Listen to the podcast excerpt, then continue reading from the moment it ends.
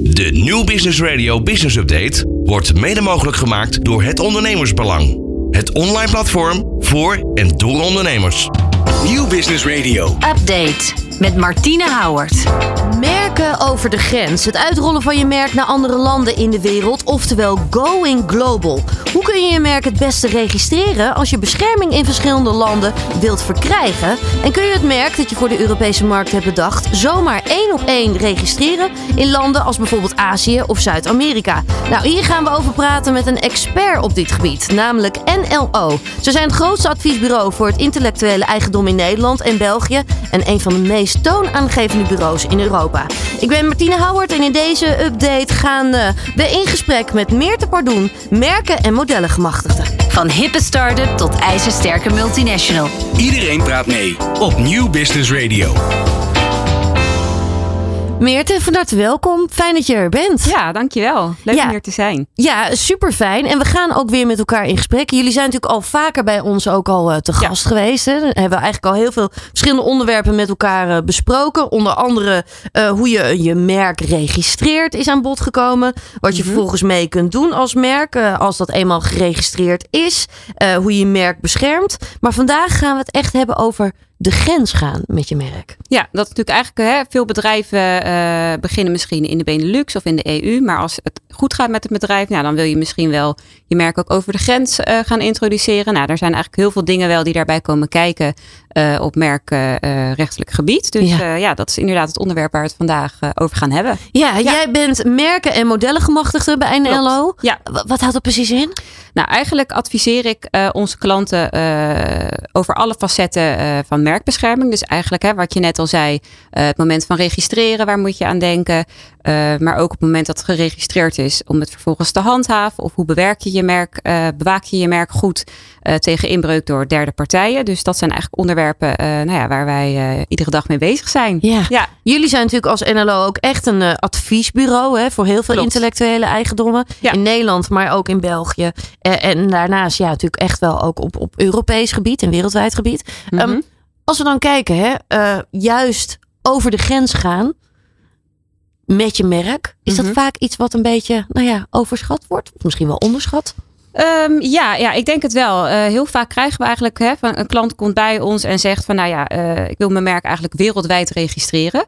Ehm, kan dat? In één registratie kan ik daarmee de hele wereld dekken? Nou ja, het antwoord daarop is helaas nee. Mhm. Ehm, ja, ik snap dat het hè, vanuit globalisering tegenwoordig, de wereld is eigenlijk één markt. Eh, vooral op internet is het natuurlijk ook heel erg grensoverschrijdend eh, het aanbod. Ehm, maar eigenlijk is het zo dat je dus in ieder land eigen wetten hebt en eigen regels. Ehm, dus één wereldwijde registratie, dat bestaat niet. En dat is dus inderdaad eigenlijk al hè, waar het belang van eh, een adviesbureau zeker bij komt kijken. Ja. Ehm, ja, En, en is dat ook wel iets wat, waar men zich nou ja, niet heel vaak ook aan denkt misschien? Of waar men niet zo bewust van is? Ja, ja, dat denk ik wel. Ehm, zowel eigenlijk heel veel juridische punten waar we het later ook gaan, eh, over gaan hebben, maar ook dingen als taal en cultuur. Ieder land heeft natuurlijk ook weer zijn eigen eh, nou ja, taal- en cultuurissues die misschien invloed hebben op je internationale merkstrategie. Mhm. Ehm, dus ik denk zeker wel dat dat, eh, dat, dat onderschat wordt. Ja, Ja, en kosten, dat is ook vaak nog wel iets waar heel veel mensen niet aan denken. Precies, ja, ja. Kosten zijn eigenlijk, nou ja, daar begint het dus. Kan ik mijn merk wereldwijd registreren? Eh, als je ieder land in de wereld zou dekken, nou ja, dat zou je echt ongelooflijk veel geld gaan kosten.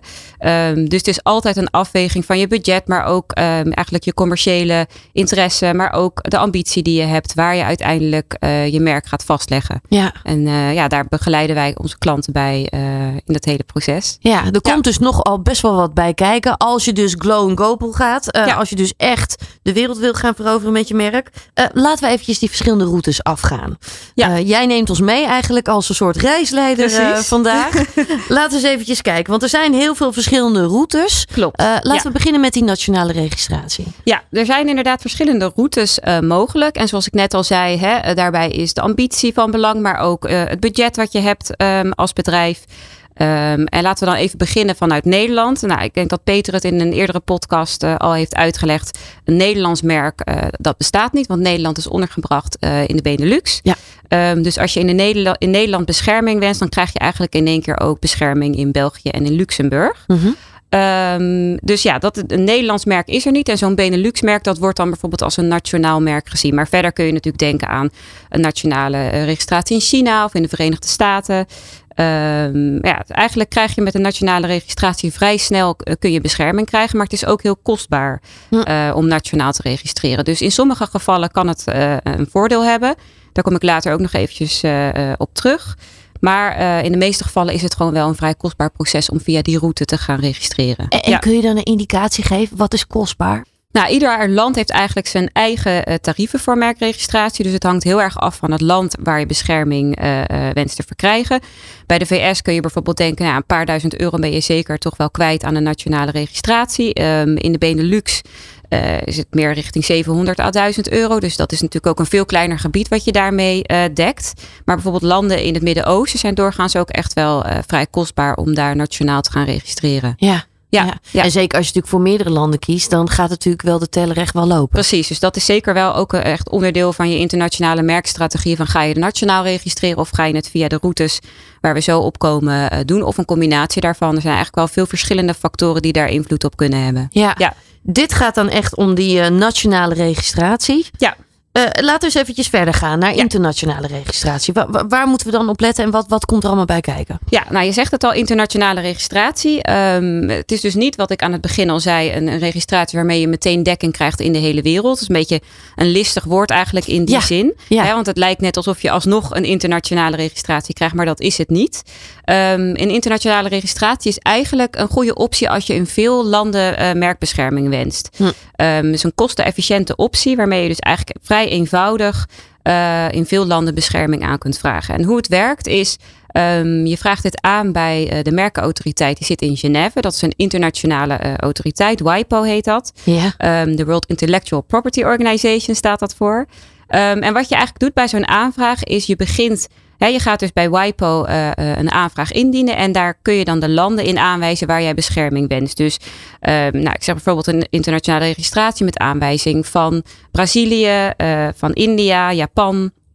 Je kunt er eigenlijk alle landen die bij dat systeem zijn aangesloten, kun je aanwijzen. Ja, uh, ja dat zijn meer dan 100 landen. Dus eigenlijk ja, ontzettend veel keus wat dat betreft om, uh, om, uh, om los te gaan eigenlijk met je merkregistratie. En ook grote economieën, India, Japan, uh, zijn daar ook bij aangesloten. Dus dat is eigenlijk een hele mooie manier om in plaats van nationaal via zo'n uh, internationale registratie eigenlijk veel landen uh, in één registratie mee te nemen. Ja, ik wou net zeggen, dus het zijn echt meerdere landen in één registratie dan dus ook echt. Klopt, ja, ja. Eigenlijk hoe het werkt is dus, nou ja, je dient die aanvraag in en uh, vervolgens gaat WIPO, dus die autoriteit in Genève, die gaat die aanvraag dan behandelen en die gaat eigenlijk de aanvraag doorsturen naar alle landen, naar alle autoriteiten in de landen die je hebt aangewezen. Dus bijvoorbeeld het merkenbureau in Japan of in India. En uh, nou, die autoriteiten die gaan dan zelf eigenlijk die aanvraag beoordelen naar hun nationale recht. Ja. En daar kunnen dan ook weer allerlei haken en ogen op nationaal recht. Kan een merk kan alsnog geweigerd worden. Of je komt misschien een partij tegen die bezwaar maakt uh, in dat land. Dus eigenlijk is het een soort van bundel van nationale registraties. Maar via één overkoepelende organisatie uh, kun je dat regelen. Ja. Um, en je kunt ook op een later moment nieuwe landen aanwijzen. Uh, wat ik zeg, het is kostenefficiënt. Vrij eenvoudig kun je, dit, uh, kun je dit indienen. Dus het is zeker een hele goede optie voor als je in veel landen je merk eigenlijk wilt vastleggen. En dat blijft ook wel doorgroeien volgens mij ook. Hè? Dus ook Ja, qua klopt. registratie en alles wat er mogelijk is, blijft dat ook weer doorgroeien. Ja, ja, er komen eigenlijk ook steeds nieuwe landen die zich weer bij dat systeem uh, aansluiten. Dus um, ja, het is zeker echt een heel mooi, effectief systeem eigenlijk voor wereldwijd het beschermen van je merken. Wat er wel van belang is, is dat niet alle landen daar dan dus bij zijn aangesloten. Dus uh, nou ja, landen als Hong- Zuid-Afrika of bijvoorbeeld Hongkong zijn niet bij dit Madrid-systeem, zo heet het eigenlijk. Uh, die zijn daar geen onderdeel van. Dus in die landen moet je alsnog een, een vrij kostbare nationale registratie gaan indienen. Totdat deze landen zich mogelijk ook misschien aan gaan sluiten weer bij dat Madrid-systeem. Ja, ja, Ja. dus dat is dan altijd wel weer goed om te weten van... hey, valt dan ook dat land eronder? Precies. Ja. Ja. dus daar moet je wel goed naar kijken, inderdaad. Uh, zeker. Ja. Ja, um, je zei het al, hè, er zitten veel voordelen aan. Nadelen is dus dat niet alle landen dus aangesloten zijn. Dus daar Ja. heb je wel eventjes echt rekening mee te houden. Ja. Um, sommige landen hebben ook nog wel echt een, een nationaal voorkeur. Hè? Dus uh, China bijvoorbeeld. Ja. Waar, waar, moet ik dan aan denken? Hoe moet ik dat voor me zien? Ja, er zijn inderdaad uh, een paar uitzonderingen. Of in ieder geval een paar landen waar het toch de voorkeur heeft om nationaal te gaan registreren. Ondanks dat ze wel bij dat internationale systeem zijn aangesloten. En China is daar inderdaad een goed voorbeeld van. Um, ja, er zijn eigenlijk verschillende dingen die daar spelen. Waaronder dat je hele korte deadlines hebt als je bijvoorbeeld tegen problemen aanloopt uh, in dat land. Als er bijvoorbeeld uh, als je merk geweigerd wordt en je wil daar iets tegen indienen, argumenten, dan krijg je echt maar heel korte tijd om daarop te reageren. Hm. Um, en als je dat nationaal doet, dan gaan we dus eigenlijk via een lokale agent kijken van nou, wat is de beste manier uh, hoe we het merk in kunnen dienen om zoveel mogelijk die obstakels eigenlijk uh, te voorkomen. Ja. Uh, nou, er zijn ook wat andere voorbeelden. Je krijgt dus via dat internationale systeem in China bijvoorbeeld niet direct een registratiecertificaat. Nou, dat kan je wel nodig hebben als je dus echt inbreuk in China hebt. Um, en dan kan je wel dat certificaat alsnog opvragen, maar dat duurt dan vrij lang. Dus um, ja, nationale registratie krijg je dat wel en heeft dan in sommige gevallen de voorkeur. Ja, is ehm, efficiënter klinkt dat dan eigenlijk ook wel. Ja, eigenlijk wel. En uh, nou ja, bijvoorbeeld ook in een aantal Afrikaanse landen kan het de voorkeur hebben, omdat niet alle landen dat Madrid-systeem uh, via WIPO dan erkennen. Um, dus daar is ook belangrijk om per land echt goed te kijken eh, welke route je kiest. Ja, ja. even dat zo doen uh, is dus niet heel handig. Eerst even goed onderzoek doen. Ja. Uh, wat ook weer handig is, ook weer voor jouw land, zeg maar, waar ja. je wil gaan opereren. Zeker. als we dan kijken, we hebben nationale registratie gehad, internationale registratie. Mm -hmm. Heb je ook nog EU-registratie? Ja, ja, dat is eigenlijk uh, uh, voordelig als je dus bijvoorbeeld in meerdere EU-landen uh, je merk uit wilt gaan rollen. Ja. Um, hè, wat ik al zei, nationale registraties zijn vrij kostbaar. Dus stel je zou bijvoorbeeld in Frankrijk, Italië, Zweden en, en Duitsland nationale aanvragen gaan indienen. Ja, dat kan in principe als dat je kernmarkten zijn. Maar het is eigenlijk veel efficiënter om, dat heet inderdaad een EU-registratie. Um, ja, daarmee dek je dus in één registratie eigenlijk alle 27 EU-lidstaten. Um, dus dat is eigenlijk een hele kostenefficiënte manier om gewoon een groot territorium aan landen in één keer te dekken. Ja. Um, ja. Ja, ja en, en het mooie natuurlijk wel ook is wel dat jullie echt ook uh, ja, bedrijven hier ook echt wel bij helpen en adviseren. Mm -hmm. Jullie kijken echt mee van hé, hey, wat is er mogelijk? Maar ja. waar liggen ook de risico's? Hè? Nou, zeker. Um, en met name omdat ieder land toch echt zijn eigen eisen heeft omtrent uh, merkbescherming, acceptatie daarvan en ook de weigeringen waar je tegenaan kunt lopen. Um, en NLO, wij werken dus eigenlijk met een internationaal agentennetwerk. Dus in ieder land hebben wij uh, lokale contacten um, die ons ook helpen, hè, waarmee klanten ook adviseren over de, hun bescherming in dat land. Ja. Um, en we denken natuurlijk ook heel erg mee in proactief oplossingen. Dus stel je komt in een bepaald land een andere partij tegen, dan gaan we kijken van nou, zitten die partijen echt in dezelfde branche of zijn er misschien afspraken mogelijk? Daar heeft Peter het ook in een eerdere podcast over uh, gehad, dat je in sommige gevallen een soort van coexistentie kunt onderhandelen, waarin je dus afspraken maakt van nou oké, okay, ik hou me bezig met deze markt. Zolang jij je maar niet met je merk uh, voor dat product uh, uh, bezighoudt. Ja. Um, dus dat zijn dingen waar wij inderdaad in bij kunnen staan. Ja. ja.